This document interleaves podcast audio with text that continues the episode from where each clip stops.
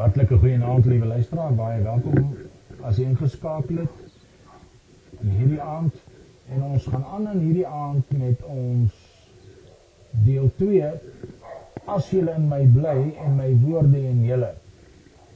Maar voordat ons na die boodskap oorgaan, kom ons bid net eers saam. Vader, ons kom in hierdie aand na U en ons dank U Here vir Jesus wat vir ons die pad oopgemaak het en daarom kom ons in die naam van Jesus na U toe. En Here, ons kom en ons kom buig nederig voor U neer. Ons kom kniel voor U, Here, in aanbidding en ons bring al die eer en die lof en die dank en die prys en die aan en die lof aan U, Here, omdat U vir ons koning is en God is. Here, baie dankie dat ons aan U al die eer kan bring want Here, daar is niemand soos U nie. Here, U het vir ons gedra tot op hierdie oomblik toe en Here ons is so dankbaar U het vir ons gedra. Baie dankie Here dat U vir ons gedra het en ons eer U naam daarvoor want Vader, as dit nie vir U was nie, wat sou ons gedoen het? Waar sou ons onsself bevind het? Here ons dank U omdat ons weet U is in beheer. En omdat U in beheer is, Here, kan ons nie anders as om net U naam groot te maak en te aanbid nie. Vader, ons kom En ons vra dat U ons sal help in hierdie diens. Here vir my as die prediker dat U werklik waar vir my sal dra. Ek bid o Heilige Gees dat U die hierdie woord sal lewendig maak aan elke hart en dat dit in goeie grond sal val. Dat hierdie woord wat goeie saad is van die evangelie dat dit op goeie grond sal val en Here dat hierdie saad sal ontkiem en Here dat dit veel vrug sal oplewer. Want Here ons weet u evangelie is die ware evangelie. Die evangelie van Jesus Christus. En ons dank u daarvoor. Vader help ons nou so met hierdie boodskap en en dra vir ons deur ook Vader. Dit is my gebed in Jesus naam. Amen. Liewe luisteraar ons het uh, verlede week het ons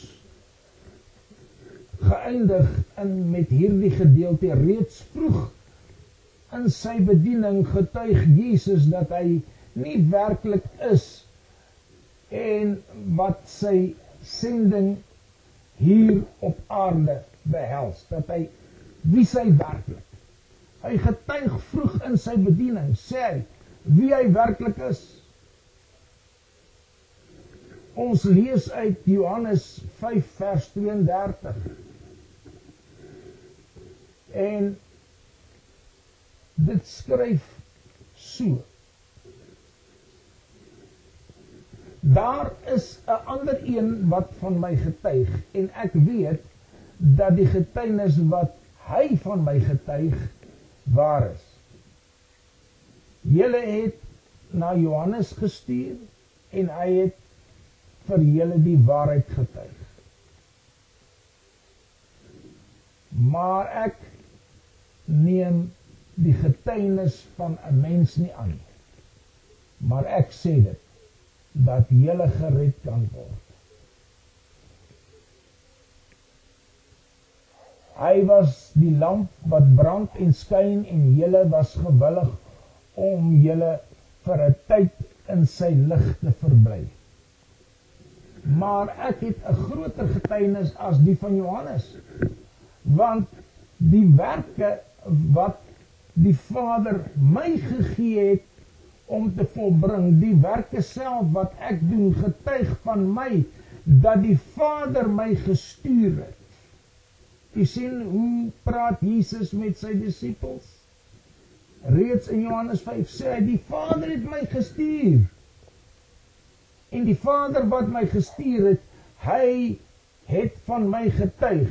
Julle het nog nooit sy stem gehoor of sy gedaante gesien nie.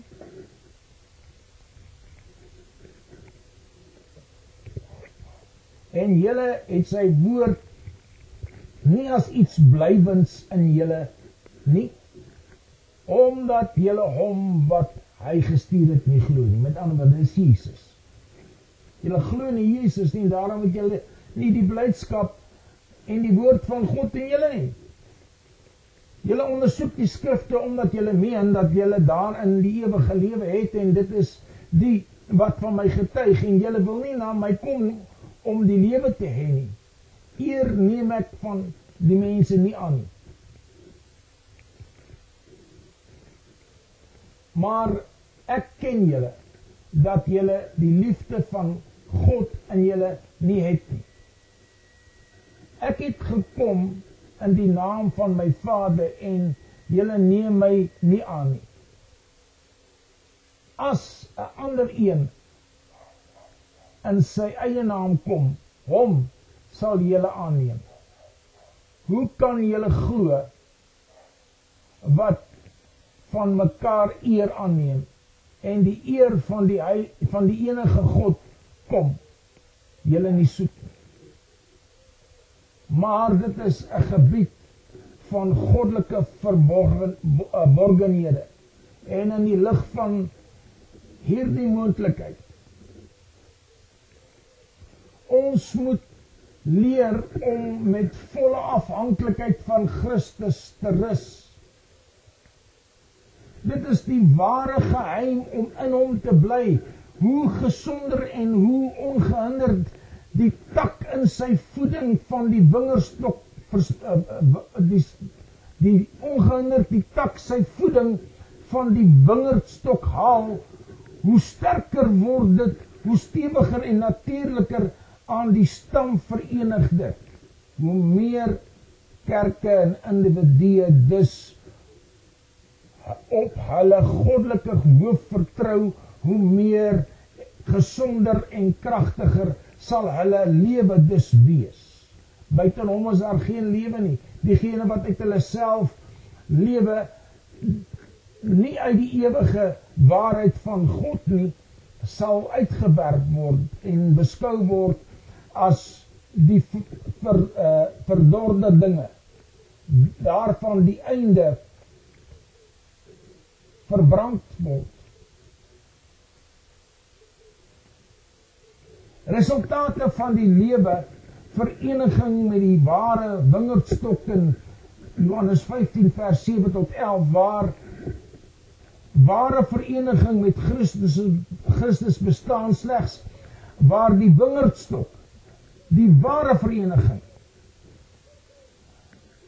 is waar die lood in die wingerdstok bly sal daar 'n duidelike bewyse wees van die feit. Die takke is verenig met die wingerdstok vir 'n doel om vrugte te dra. Vir dieselfde doel sirkuleer die sap deur die hele plant. Een lewe is in dit alles verteenwoordig. Van Christus kom die geestelike lewe en krag en stimulus wat daartoe lei dat die geestelike lewe in die lede van sy kerk in die vrugte van die gees gemanifesteer word. Lewende eenheid met Christus lei tot vrugbaarheid. Net soos die tak wat lewendig is en sy krag uit die lewende wingerdstok trek, verheug is in die groen varsheid van sy somerdag en in die oestyd en sy weelderige trosse, so moet dit wees met die takke van die ware wingerdstok, hy wat bly ensovoorts Johannes 15 vers 5. Hierin word my Vader verheerlik ensovoorts. Christene bewys die teenwoordigheid van die geestelike lewe van Christus in hulle deur gepaste vrugte te dra. Christus se geestelike lewe vloei hulle wese in in hulle wese in en die borgons bloei. Hulle word ryp in die daaglikse lewe. Gebed sal gewoonte word. Liefde sal die hart vul. Dade van genade en goedheid uh goedhartigheid sal spontaan gedoen word. Alle talente en die gawes kragte van die natuur sal in Christus aangewend word op die hoë vlak van die goddelike diens. Die gelowige sal liefde in Christus liefhet. Haat wat hy haat, doen wat hy beveel en vir hierdie doel kyk nou uit die oogpunt van die takke en nie vir die goddelike man wie se optrede ook nodig is. Moet die kanale waardeur genade en krag vloei op oopgehou word. Jy sien gebed moet konstant en vurig wees. Die woord van alle ander genademiddels moet ywerig en eerbiedig gebruik word. Bovenal moet geloof en vertroue lei tot hegte en voortdurende gemeenskap. Liewe luisteraar, om in Christus te bly en om in sy woorde in ons te laat bly lei tot saligheid. Elke nodige geskenk word voorsien. Julle sal vra wat julle wil ensovoorts. Wat is wat 'n geseënde belofte is dit tog vir diegene wat dit ten volle toe kan eien. En tog is dit net wat verwag kan word om in Christus te bly. Dit het die Vader behaag dat alle volheid in hom sou woon. In hom is al die skatte van wysheid en kennis verborge. En aan lewende takke in hom, aan lewende lede van sy liggaam sal elke goeie volmaakte gawe gegee word, maar let op die voorwaarde as jy bly ensovoorts. Dit is eers dan dat hierdie belofte geld. Want wanneer ons waarlik in hom bly, dan is ons wil in ooreenstemming met sy wil, so syne met die Vader se is. As ons so vra, sal dit aan ons gedoen word. Hoe meer ons uit sy volheid ontvang genade na genade of genade op genade net soos u dit wil hê, hoe meer sal ons baie vrugte dra en onsself goedkeur om sy disippels te wees. Slegs diegene wat baie vrugte vir God dra, lewe vir die goddelike heerlikheid, het bereik die ware einde van die lewe en sy hoogste saligheid bereik. Niemand anders kan die lewe en die werklikheid verstaan nie. Niemand anders doen soveel vir man se hoogste belangstellings nie. Dit is edele lewe, vol toegewyde aspirasie en edele strewe. Dit impliseer die agterlaat van wat algemeen en kleinlik en onbarmhartig is. Die altyd opgroei na permanente die disipelskap sit aan die aan Christus se voete. Leer daagliks van hom. Styg al hoe meer nader na die geseënde hoogte wanneer die disippels soos sy meester sal wees, wanneer ons soos hy sal wees deur sy deur hom te voor te sien soos hy is.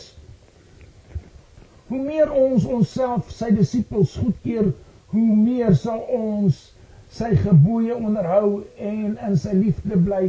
Hoe intiemer die verhouding saam met die gelowiges van Christus is, hoe konstant eh, stanter sal hulle gehoorsaamheid en vurige hulle liefde wees.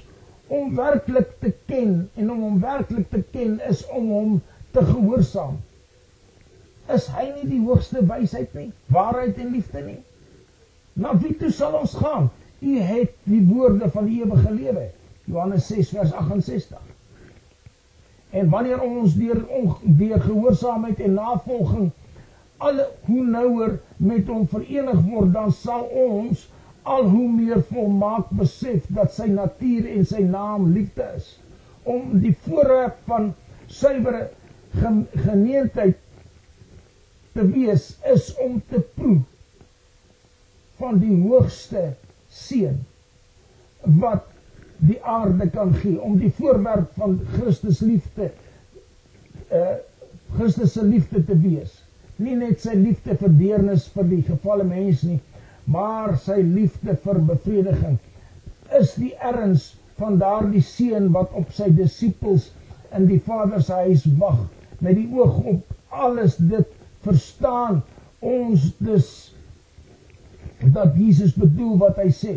Hierdie dinge het ek tot julle gespreek dat julle blydskap in my kan bly ensovoorts net soos hy van sy vrede gepraat het selfs in die oog op Getsemane en Golgotha so is die man van smarte en bekendes met hartseer gepraat van blydskap soos die patriot blydskap het beselfs uh, te midde van beproewing en smart wat verduur is vir vaderland en huis net soos die kunstenaar vreugde het in die moeite wat hy op sy meesterstuk spandeer ensovoorts so het die heiland vreugde gehad in die uitvoering van die goddelike doel in die verlossing van die mens om te volhard dat mense gered kon word in baringsnood om die glorieryke kerk sonder vlek of rimpel aan die lig te bring Efesiërs 5 vers 27 en daardie vreugde sal ons in wees as ons ons aan die goddelike diens in hom toewy. Die belangrikste einde van die lewe is om verheerlik God dat ons hom vir ewig kan geniet. Gehoorsaamheid aan Christus lei tot altyd tot vreugde hierna en hier en hierna watter waters van verdrukking ook al die siel wat waarlik met Christus verenig is moet deurgaan watter sorg ag watter skuis watter donker valleie uh, van beproewing en en droef bedroefdheid en wat ook al. Watter konflik van versoeking dit ook al mag verduur saam met die gehoorsaamheid aan Christus soos aan hom in die gehoorsaamheid aan sy Vader. Daar sal gee gegee word te midde van 'n toenemende vreugde wat alhoewel onvolmaak hier 'n erns van volmaakte saligheid van die hemel sal wees. Blydskap, geestelike blydskap. Dit is vreemd dat ons Heiland van ons blydskap, sy blydskap praat wanneer die weg van droefheid voor hom lê.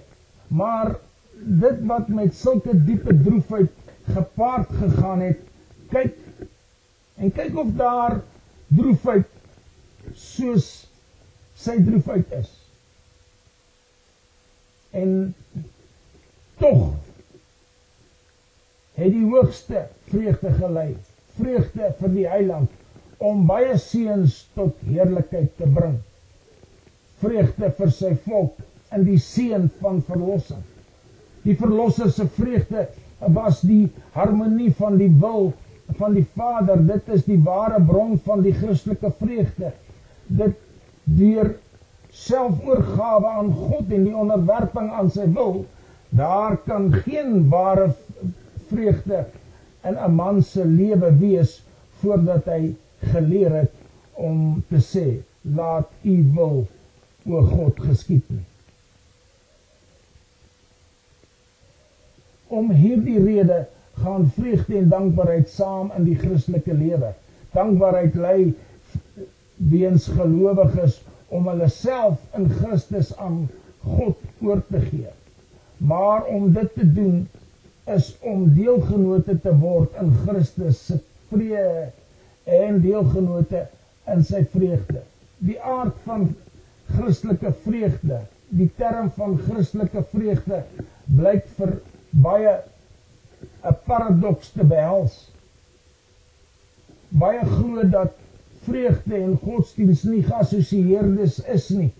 Dat daar nie een is die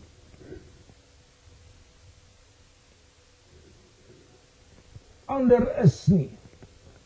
Sommige goeie mense probeer werklik om hulle godsdiens ietwat ontreklik te maak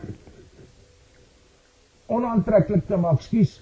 Selfs goeie mans was feilbaar hier. Uiterste sobere soberheid het hulle mag ten goeie belemmer. Waarom moet godsdiens veral die godsdiens van Jesus onverzoenbaar met die vreugde beskou word. Die geloof of die ongeloof van die materialis ensovoorts kan wel vreugdeloos wees, maar nie geloof in die evangelie nie. Sulke verkeerde idees spruit voort uit opvattings van ware aard van vreugde. Wat is vreugde? Wat nie opgewondenheid wat voortspruit uit materiële plesier wat uit wat mans plesier noem nie. Dit is bloot op die oppervlak. Vreugde is 'n diep liggende emosie wat ontstaan uit die besit van een of ander goed en of die nadenke daaroor. Ongemengde vreugde is 'n suiwere emosie en kan nie opgeroep word deur wat sondig is nie. Dit is uiterlike manifestasie daarvan verskil dus dikwels van wat verwag kan word. Die oë kan gevul word met trane terwyl die hart kan klop van vreugde. Die remoedige lag van die dwaas het geen affiniteit met ware vreugde nie. En ook nie die bruisende opgewondenheid wat deur die wêreld se plesiertjies veroorsaak word nie.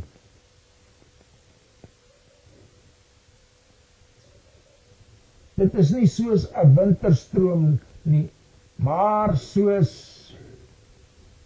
'n sagte meerjarige lente. Vreugde kom sag oor ons soos die aandou en slaan nie neer soos 'n haalstorm nie. Die weg na ware vreugde. Dit is die weg van Christus. Om vreugde te bereik, hoef mans nie 'n lewe van onaktiwiteit te lei nie. Ensovoorts. Dit is nie te vind in een van die ander Castle of in Dollens of Lotus Easers Island nie. Maar man soek in die lewe van aksie, avontuur, gevaar, die vreugde wat hulle nie in 'n luukse lewe kon vind nie. Die groot staatsman spandeer byvoorbeeld baie nie baie moeisame dae en nagte bloot vir fortuin en of roem nie. Die eerste meester van ons wetgewers het die tweede kan uh, op 'n ander manier makliker bereik word.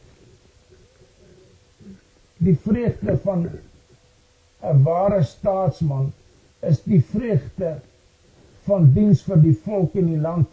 Dit is ook tye wanneer die edele verstand vind dat lyding en volharding die ware vreugde bring. Ware vreugde is van binne. Die wêreld is se vreugde is toevallig afhanklik van veranderende uiterlike dinge wat verander en net 'n hartseer herinnering laat aan wat was. Dit is die lewe van sig selfsug eh, wat ontbloot is van ware vreugde wanneer die hart aan God oorgegee is en die lewe in sy sorg gegee het word lei word verleiding en word daar aan gelowiges daardie vrede en blydskap gegee daaroor waaroor die hele wêreld wonder.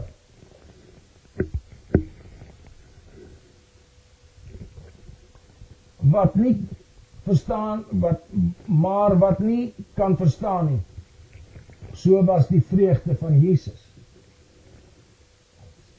Daar is 'n toepassing. Christene het baie redes vir vreugde.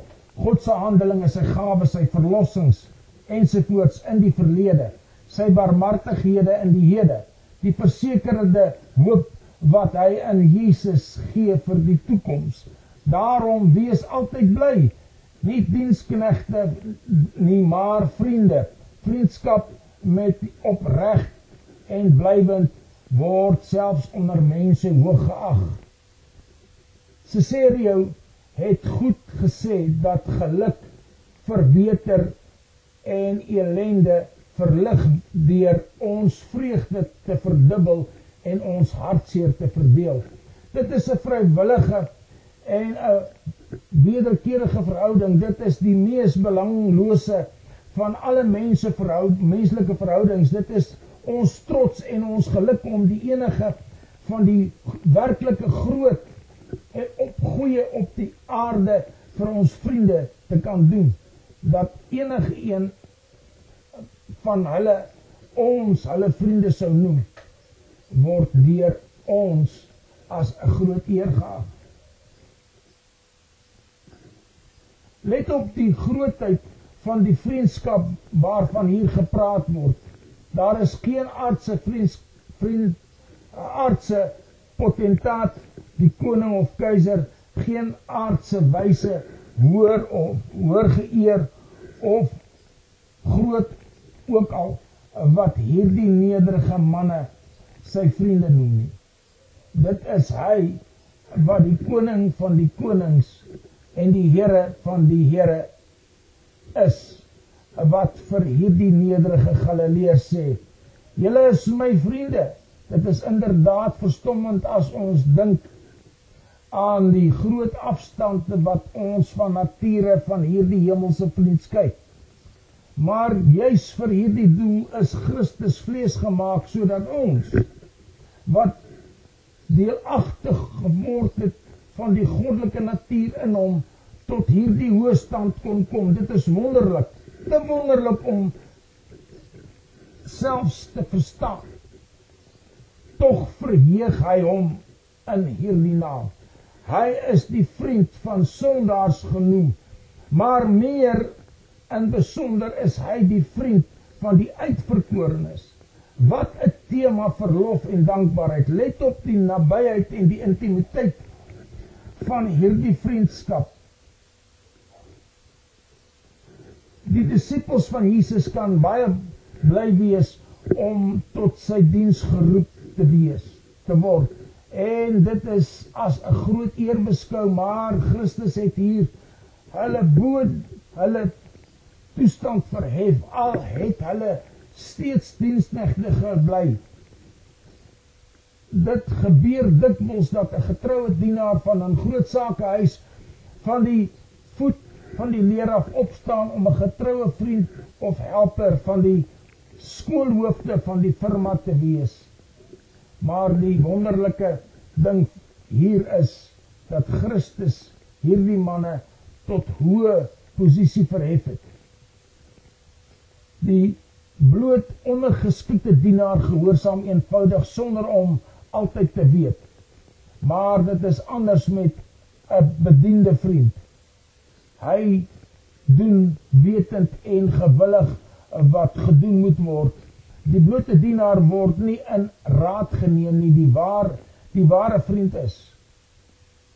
Tog het hierdie vriendskap tussen Christus en sy volk sy onderskeidende kenmerk kenmerke. Julle is my vriende as julle doen ensovoorts dit is die vriendskap van die groot wyse waarop 'n ouer 'n ouer broer wat alwys is en op wie se liefde en vriendskap ons kan vertrou en ons is Jesus se disippels en vriende sonder om hom op om op te hou om sy dienaars te wees. Dit is 'n unieke verhouding tog 'n hegtige 'n hegte vriendskap. Van nou af noem ek julle nie meer diensknegte nie. Hy is een van een met die Vader. Die Vader maak alle dinge aan hom bekend en hy openbaar die diep dinge wat van God aan sy ware disippels, hoe nader ons gemeenskap met hom is, hoe meer word die goddelike doelwitte van genade en liefde geopenbaar. Sy woord word in Christus se vriende as lig in elke donker plek totdat die dag aanbreek. Sy gees lei na alle waarheid en verlig ons sodat ons die hemelse spraak kan verstaan en ons daaglikse kommunikasie sal na na hom toe vloei vanuit die goddelike teenwoordigheid. Hy gee van sy gees en die gees deursoek alle dinge, ja, die dieptes van God. Hierdie tere woorde van die Heiland is sekerlik die woorde van 'n vriend. Hoe kan ons verseker wees dat hierdie woorde deur ons toegeëien kan word? Hierdie vriendskap toon hom in 'n wederwysige liefde en en ampte. Christus het sy liefde aan ons op 'n onmiskenbare wyse bewys. Hy het sy lewe vir ons gegee. Hoe hoeveel hoër is dit dat enige van algemene erkende tekens van vriendskap die opoffering van tyd en rykdom is ensovoorts. Die grootheid van Christus se vriendskap word duidelik daaruit dat hy vir ons gesterf het terwyl ons vyande was. Hoe moet ons ons liefde aan hom aan hom wys? Daardie liefde van hom moet ons dwing om nie meer vir onsself te lewe nie, maar vir hom. Dit is 2 Korintiërs 5 vers 14. Ons moet doen wat hierdie hemelse vriend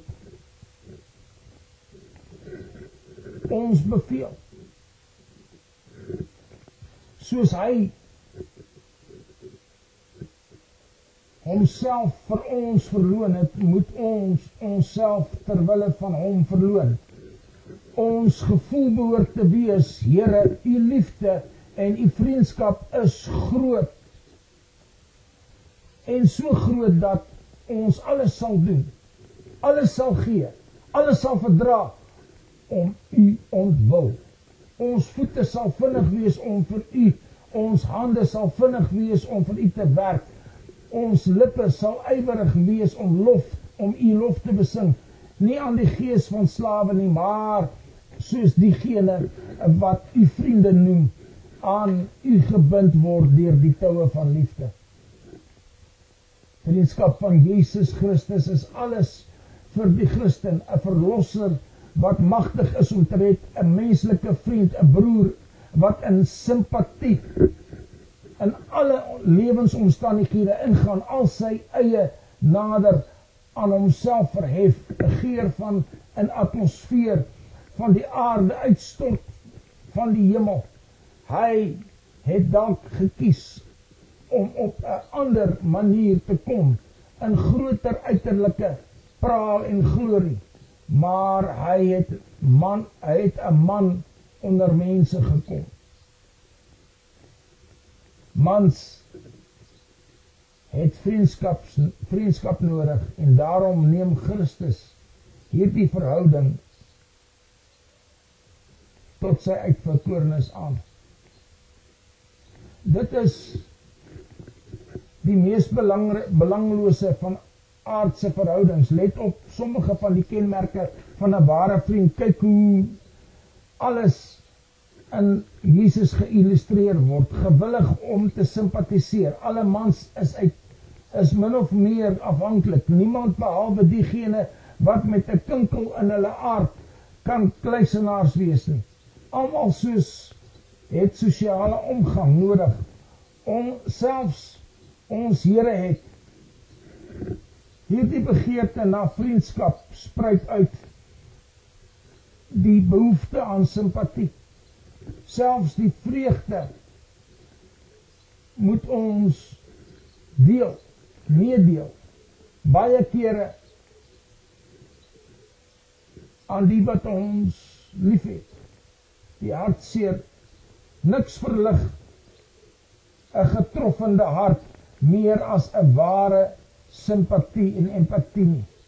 Daar is tye wanneer menslike simpatie nie baat nie. Ons kan nie die handdruk, die vriendelike woord spreek, maar kan nie met genesende aanraking die diep wonde van elke hartseer bereik. Christus kan dit doen. In elke pyn van die hart skeur. Die man van smarte het het 'n rol gehad. Gelowiges het geen moeisame argument nodig om aan hulle die simpatie van Jesus te bewys nie. Dit is geen beeldspraak nie, dit is 'n heerlike werklike waarheid. Het ons dit ervaar. Bereidheid tot raad en hulp. 'n Ware vriend sal bereid wees om te help in tye van nood. Diegene kan nie vriende genoem word wat nie altyd gereed is om te help nie. Wanneer ons onsself goed help maar wat ons wat doen ons? Hulle is ook nie ware vriende wat vriende amptelik doen soos hulle dieselfde kan ontvang nie. Die ware vriend is hy wat ons liefhet wat vir ons sê wie bereid is om ter wille van onsself is dit is nie die wêreldse manier baie wat deur ongeluk beland het is ook op hulle pad gestuur met blydskap by wyse van aanwysings en hulp in tyd van nood. Tog hoe gewillig ons vriende ook al is om te help. So kon hulle tog nie in staat wees. Maar vriend die vriend wat hier praat is nie net gewillig nie maar in staat om tot die uiterste te help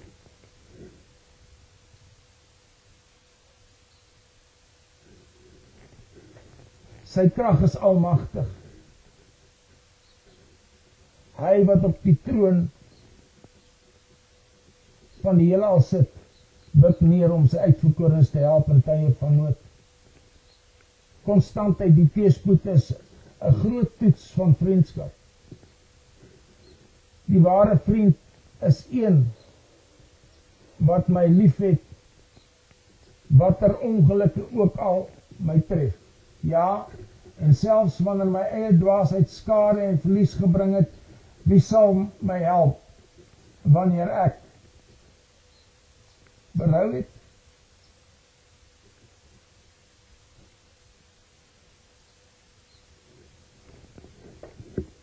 Jy sien Ja, en selfs wanneer my eie dwaasheid skade of verlies gebring het. Is dit net die ware vriend wat my help?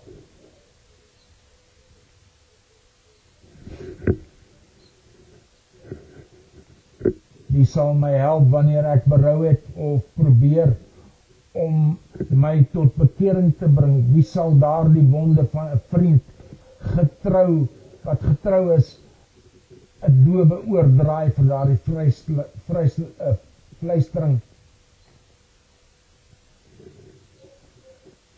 wat die ware ver, waarheid vergiftig. Maar waar is sulke vriende te vind is dit nie goed geskryf nie? Bestendigheid leef in in ryke daarbo. Ja Maar selfs onder mense is daar hel, helder voorbeelde. Jonathan en Dawid en Pelopedias, Didas, skuis en Ipate, Mone en Das ensovoorts. Maar sulke voorbeelde is prominent as gevolg van hulle raarheid. Baie kan die herinnering onthou van 'n paar vriende met wie hulle lieflike raad geneem het wat teen hulle gedraai het.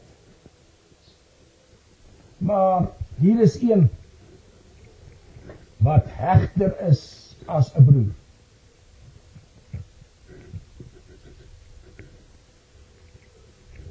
Wat altyd dieselfde is. En wie alle ware vriendskappe verhoudings voortduur. Een gesin woon ons in hom. Een kerk bo onder. Hierdie verhouding tussen gelowiges en Christus is hoër as aardse vriendskap. Daar is geen daar is nie 'n volledige gelykheid in in aardse vriendskap nie. Ons kan nie hulp of leiding aan hom gee of enige voldoende opbrengs vir sy vriendelikheid en liefde gee nie. Ons vriende beveel ons nie. Christus doen en het die reg om dit te doen. Maar ons hoef nooit bang te wees om onsself in sy hande te te vertrou, want hy is alwys en liefdevol om sy gebooie te onderhou verkry nie vir ons vriendskap nie. Is dit vir a, ons 'n werklikheid? Dit is omdat ons nie genoeg besef dat ons lewens so misluk. Die liefde van Christus en aan sy disippels, die oortreffende liefde van Christus uh, kom voor die verskeie grade van goed gekeer, goedheid van teenoor die mens voordat die mens geskaap is. Toe hy geskaap is wanneer hy geval het.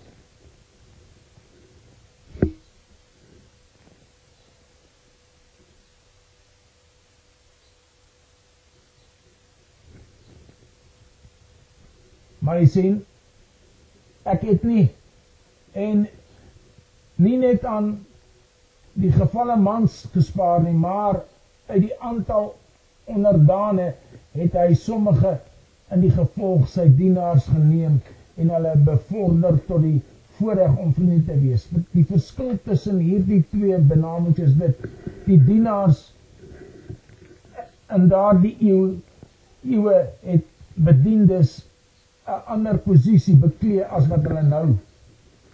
Hulle was ook oor die algemene slawe. En om hierdie redes was Christus afstand gedoen van benaming omdat die dienaar totaal onbekend is met die meester se onderwerp. Die naam van die diensnig voer 'n slaaf sy 'n onaarde ontsag van voer van van verstand in soos dit in Romeine 8 vers 5 staan. Die benaming van die dienaar voer 'n hier soldaat die meer en geaardheid aan en dui so een aan wat sy belonings van die enigste motief en maatstaf van sy gehoorsaamheid maak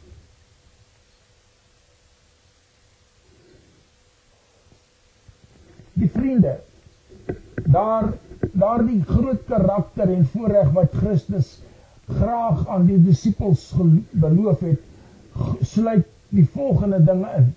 Vryheid van toegang. Huis en hart en alles is oop vir die ontvangs van 'n vriend. Ons het geen middelaar nodig om ons na 'n na Christus te neem of te bring nie want hy het toegegee aan 'n on, aan 'n bekendheid en bloedverwantskap sodat ons afskies sodat hy heerlikhede kan onderwerp aan moontlikheid van menslike gesprek hy wat homself uh, onder middelik onmiddellike toegang tot Christus ons sê beledig hom in die groot verhouding tot van 'n vriend. 'n Gunstige konstruksie van alle tussen vriende. Simpatie in vreugde en hartseer, die kommunikasie van geheime. God het intim intimiteit gehandhaaf met hulle wat hy onder die wet liefgehad het. Veel meer sal hy onder die evangelie die raad en advies konstantheid leer voortreffelikheid en waarde en gemeenskap en vriendskap veral die vriendskap van Christus die voorbeeld om werklik vroom en godsdienstig te word hy wat sy naam aan Christus sal prysgee in die ongeveinsde geloof en opregte gehoorsaamheid aan sy regverdige wette sal beslis liefde vir hierdie liefde en vriendskap van hierdie hierdie vriendskap vind. Die stukkie is geskryf deur Dr. Robert Suid. Uitverkies en aangestel, Jesus het sy disippels gekies. En uit die menigtes van die mense wat hy wat wat hy gekom het om te red vir 'n spesiale doel en 'n goddelike doel en ongetwyfeld vir die woorde van ons Here veral na hierdie vir as disippels verwys na die na sy keuse van hulle as aangewese instrumente om sy hand om sy werk in die wêreld te doen. Maar die woorde is nie bloot vir hom historiese doel nie.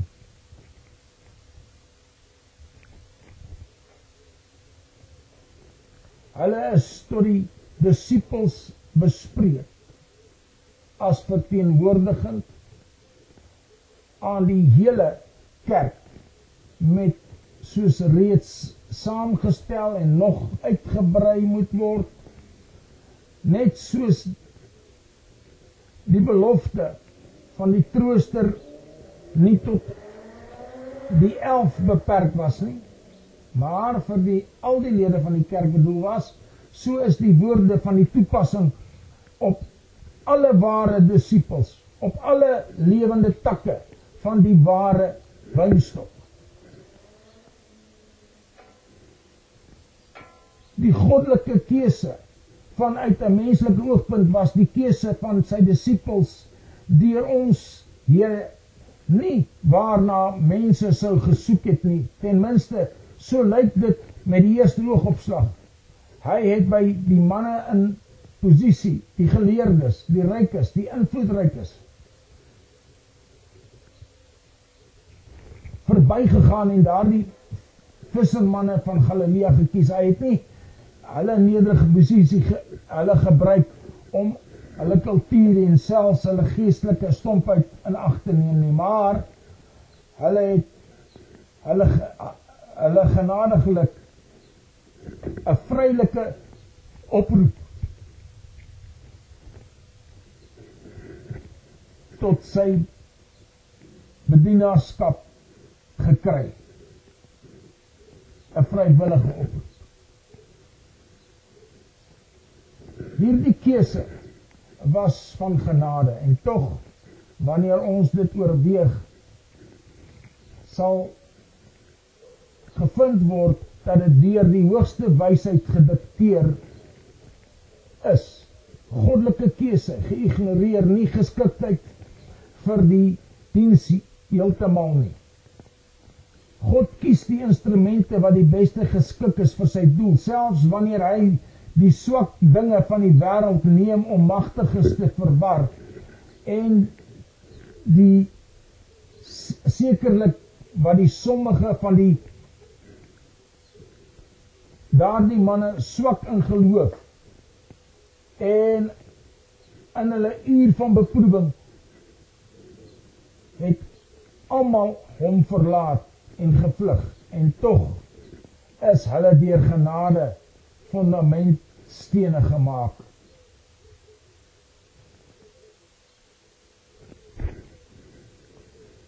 En in die grootste geestelike gebou en hoe genadig het die Heiland toegekies dat daardie manne voorberei vir hulle werk en bediening. Hoe geduldig het hy hulle foute en dwaashede verdra en nooit moeg geword om hulle te onderrig nie.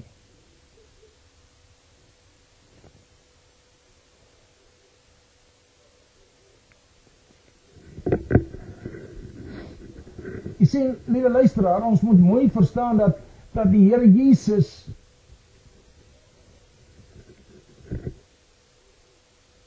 en die woord sê en tog is hulle deur genade fundamentstene gemaak. Efesiërs 2 vers 12. 20. Kies. Hulle geloof is versterk. En hoe teer in hierdie deel in die toespraak het hy met hulle gespreek en hulle verder geskik vir die werk wat vir hulle voor uh, vertroue in hulle te toon deurdat hy begeer dat hulle hom nie meer met die gees uh moes opstaan as syne vriende hy het hulle vir homself en sy diens gewen.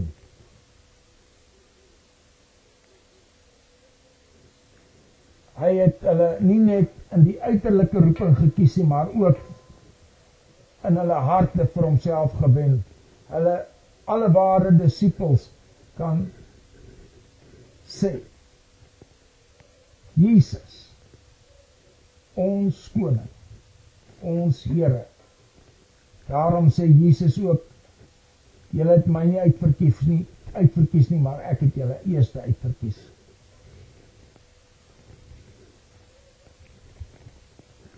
Liewe luisteraar,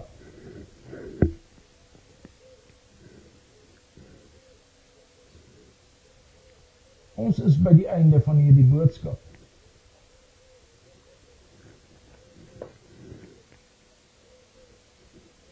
Daar is 'n goddelikheid wat ons doele doelwitte vorm.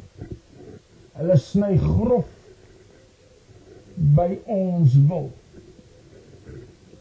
Bly in Jesus Christus en in sy woorde. Dan verkry ons die voorreg om te vra volgens sy wil.